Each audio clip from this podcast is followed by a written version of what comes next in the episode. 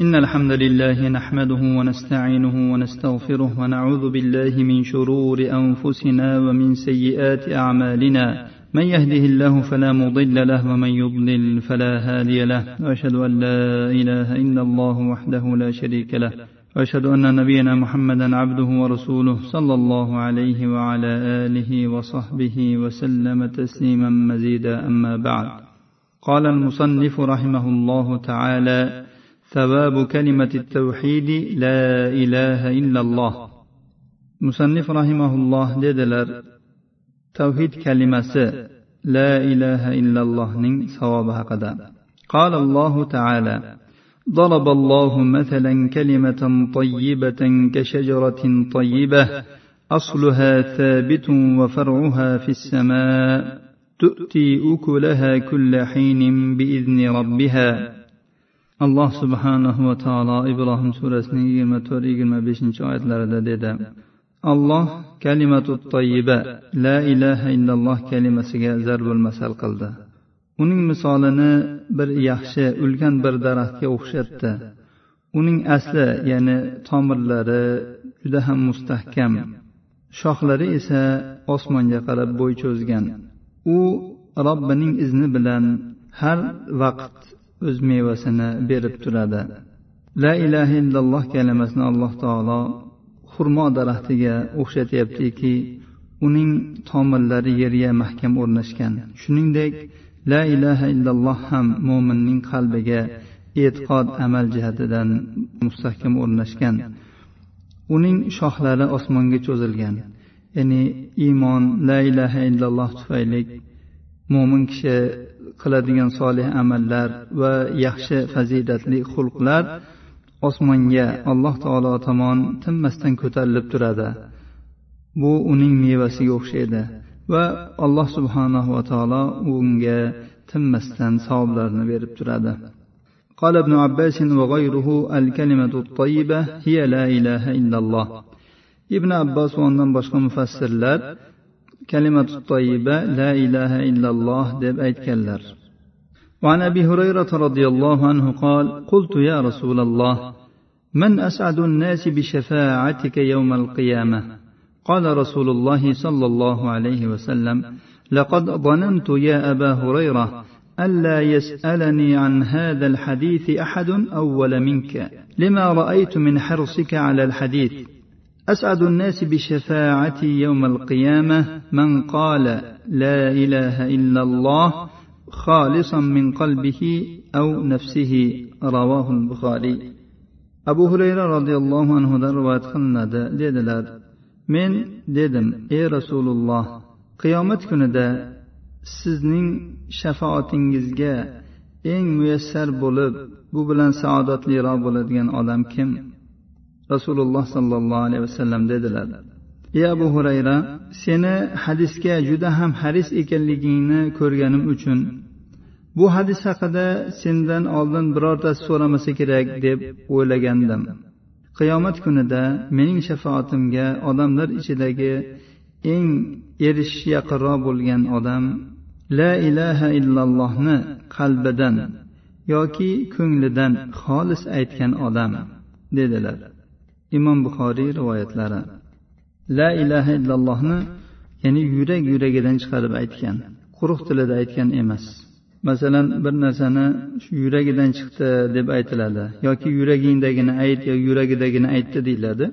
Bu haqiqatda qalb ichida bor narsa bo'ladi. La ilaha illalloh degan ya'ni la ilaha illallohni ma'nosi bor. Alloh taolodan boshqa bironta ibodatga haqli bo'lgan ma'bud yo'q. Ya'ni hamma ibodat qilinayotgan ma'budlar hammasi botil faqat alloh taolo haq degan narsani odam ich ichidan his qilib shuni tilida aytish kerak bo'ladi. Shunday degan odam shafoatga eng loyiq odamdir.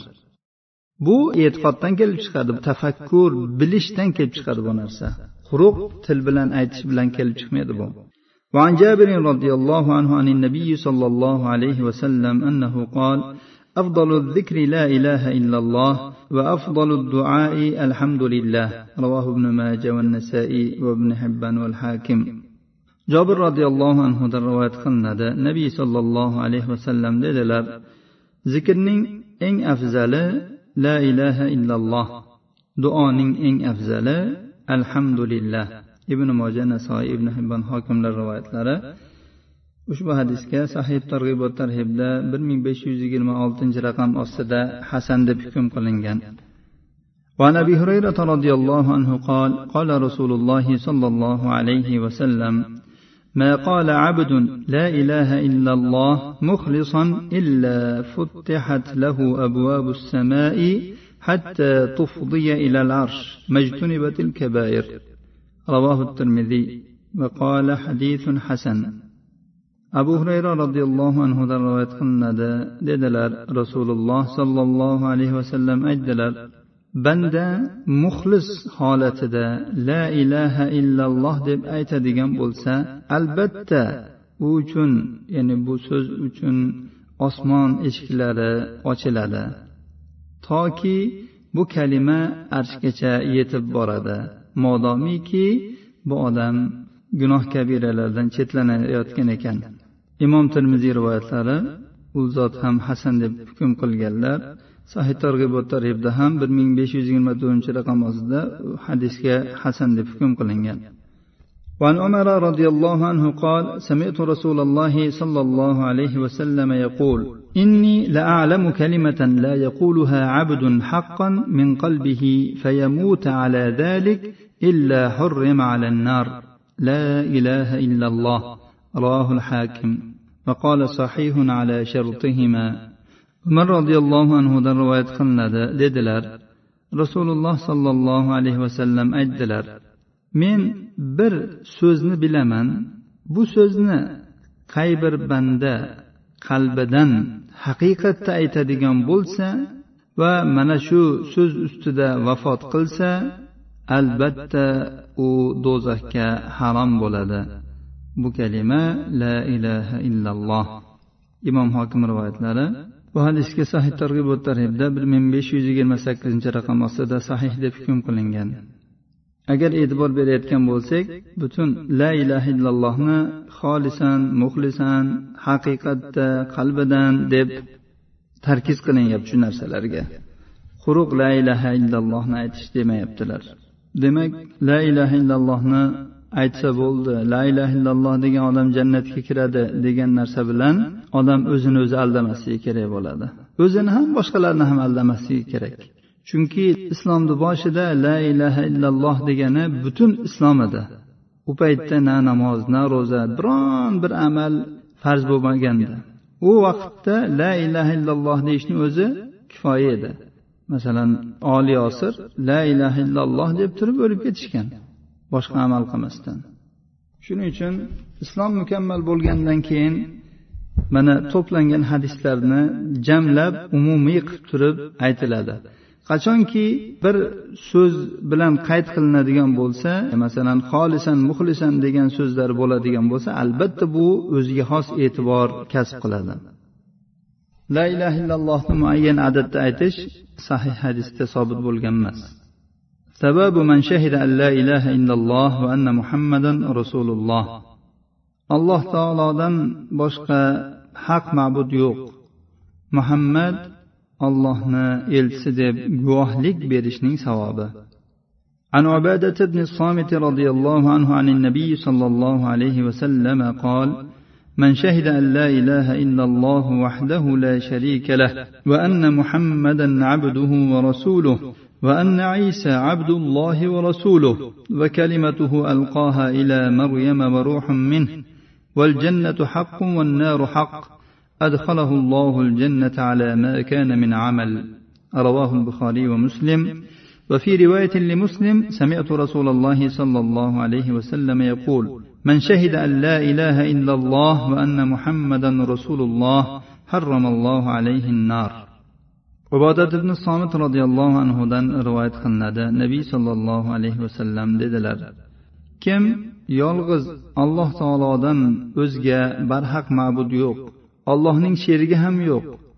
Muhammad allohning bandasi va elchisi. Iso allohning bandasi va elchisi va maryamga tashlagan kalimasi va alloh taoloning buyrug'i bilan vujudga kelgan ruh jannat haq do'zax haq deb guvohlik beradigan bo'lsa alloh taolo uni qilgan amaliga ko'ra jannatga kiritadi. Ya'ni jannatni darajatlari bo'lganligi uchun jannatdan amaliga yarasha bo'lgan joyga tushadi. Imom buxoriy va muslim rivoyatlari. Muslimning rivoyatida kelganki men rasululloh sollallohu alayhi vasallamdan eshitdim. Kim la ilaha illalloh va anna muhammadan rasululloh deb guvohlik beradigan bo'lsa alloh uni do'zaxga harom qiladi. Guvohlik berish.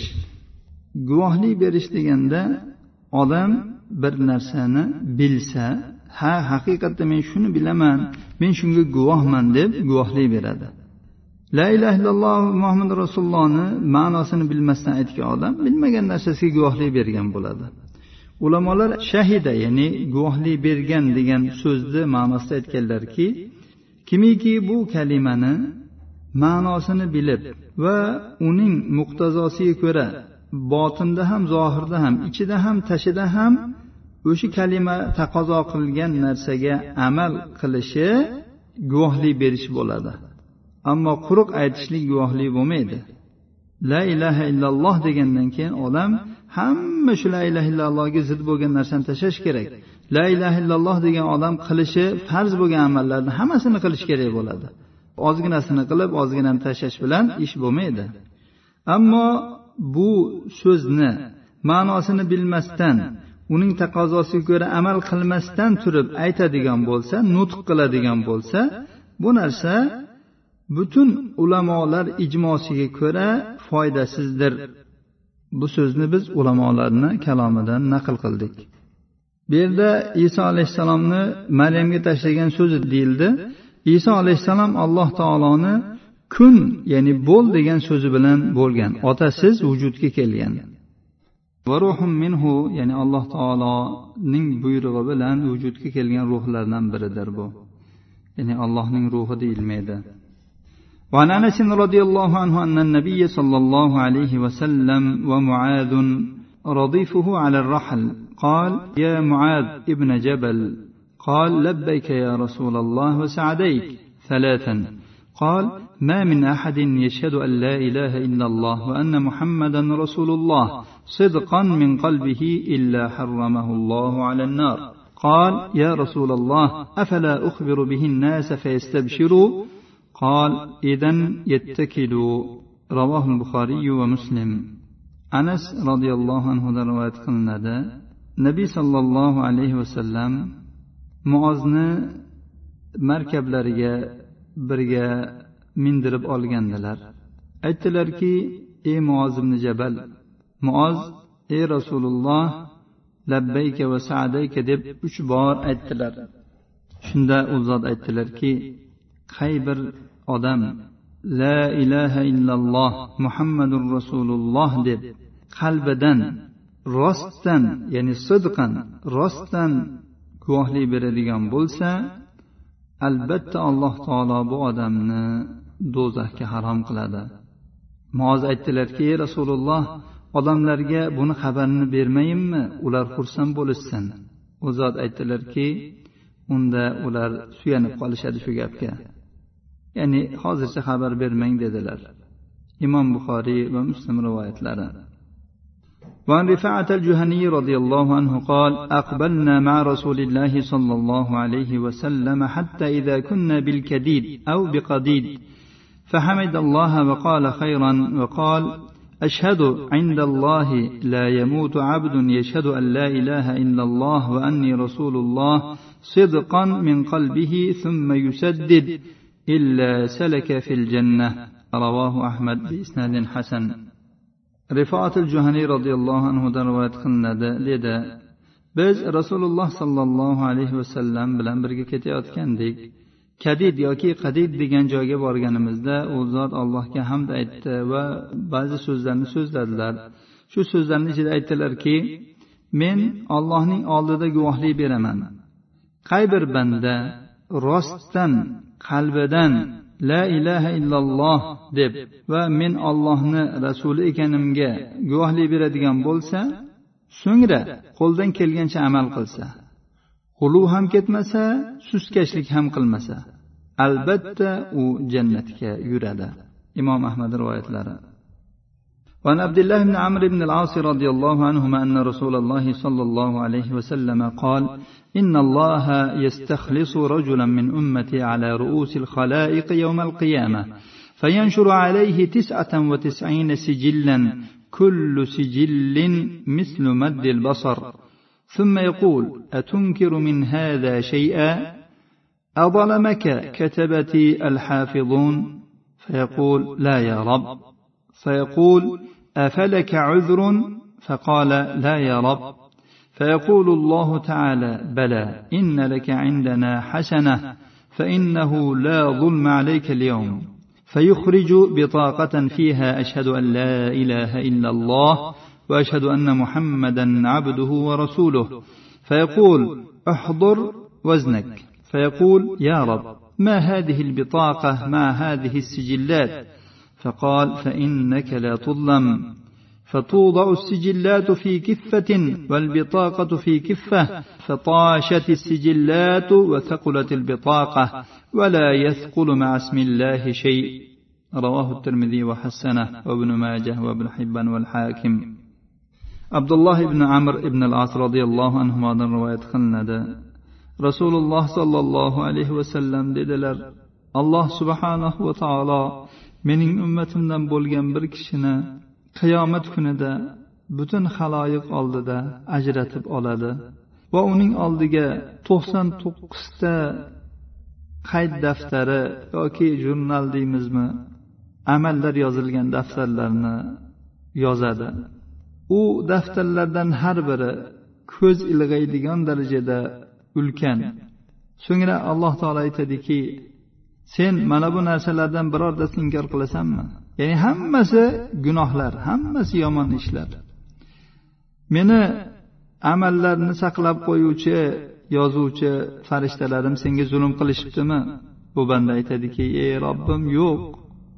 Alloh taolo aytadi seni uzring bor seni uzring bormi? U aytadiki ey robbim men hech qanday uzrim yo'q. Alloh taolo aytadi.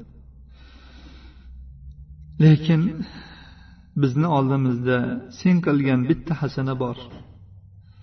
Senga bugungi kunda zulm qilinmaydi. Shunda alloh taolo ashhadu an la ilaha illalloh va ashhadu anna muhammadan abduhu va rasuluh deb yozib qo'yilgan. Bir parcha qog'ozni chiqaradi. Alloh taolo aytadiki senga zulm qilinmaydi. Va alloh taolo aytadiki mezoningga hozir bo'l. Amallaring tortiladi bor guvoh bo'lib tur deydi. Shunda banda aytadiki ey robbim mana shuncha ulkan daftarlar oldida bu bir parcha qog'oz nima ham qila oladi? Bu yorliq nima ham qila oladi? Alloh taolo aytadiki senga zulm qilinmaydi. Butun daftarlar bir pallaga qo'yiladi. Bir parcha shahodat kalimasi yozilgan qog'oz esa ikkinchi bir pallaga qo'yiladi. Shu qo'yilgan paytda daftarlar uchib ketadi. Bitoqa esa bosib ketadi og'ir keladi. Allohning ismi bilan biror narsa og'ir kelolmaydi. Allohning ismi oldida biror narsa og'ir bo'lmaydi. Alloh subhanahu va taoloning fazli karami ashhadu an la ilaha illalloh va ashhadu anna muhammadan abduhu va rasuluh deb har bir namozimizda har kuni tashahhudda aytamiz. Alloh subhanahu va taolo bu aytgan shahodatlarimizni hammasini sijillatlarga bitib alloh subhanahu va taolo o'z fazli marhamati bilan shu qilgan amallarimiz bilan oliy jannatlariga barchalarimizni kirgizsin yo rob. Alloh taolo hech qachon zulm qilmaydi. Insonlar zulm qilishadi. Alloh taolo chunki hamma narsani bilib turadi. Eng rahmli zot. Alloh taolodan ko'ra bizga rahmliroq biron zot yo'q. alloh taolo rahmonir rahim dunyoda hammaga oxiratda esa faqat mo'minlarga rahm qiladi ya rob bitta rahmating bilan shuncha rahm qilyapsan bandalaringga qiyomat kunida to'qson to'qqizta rahmat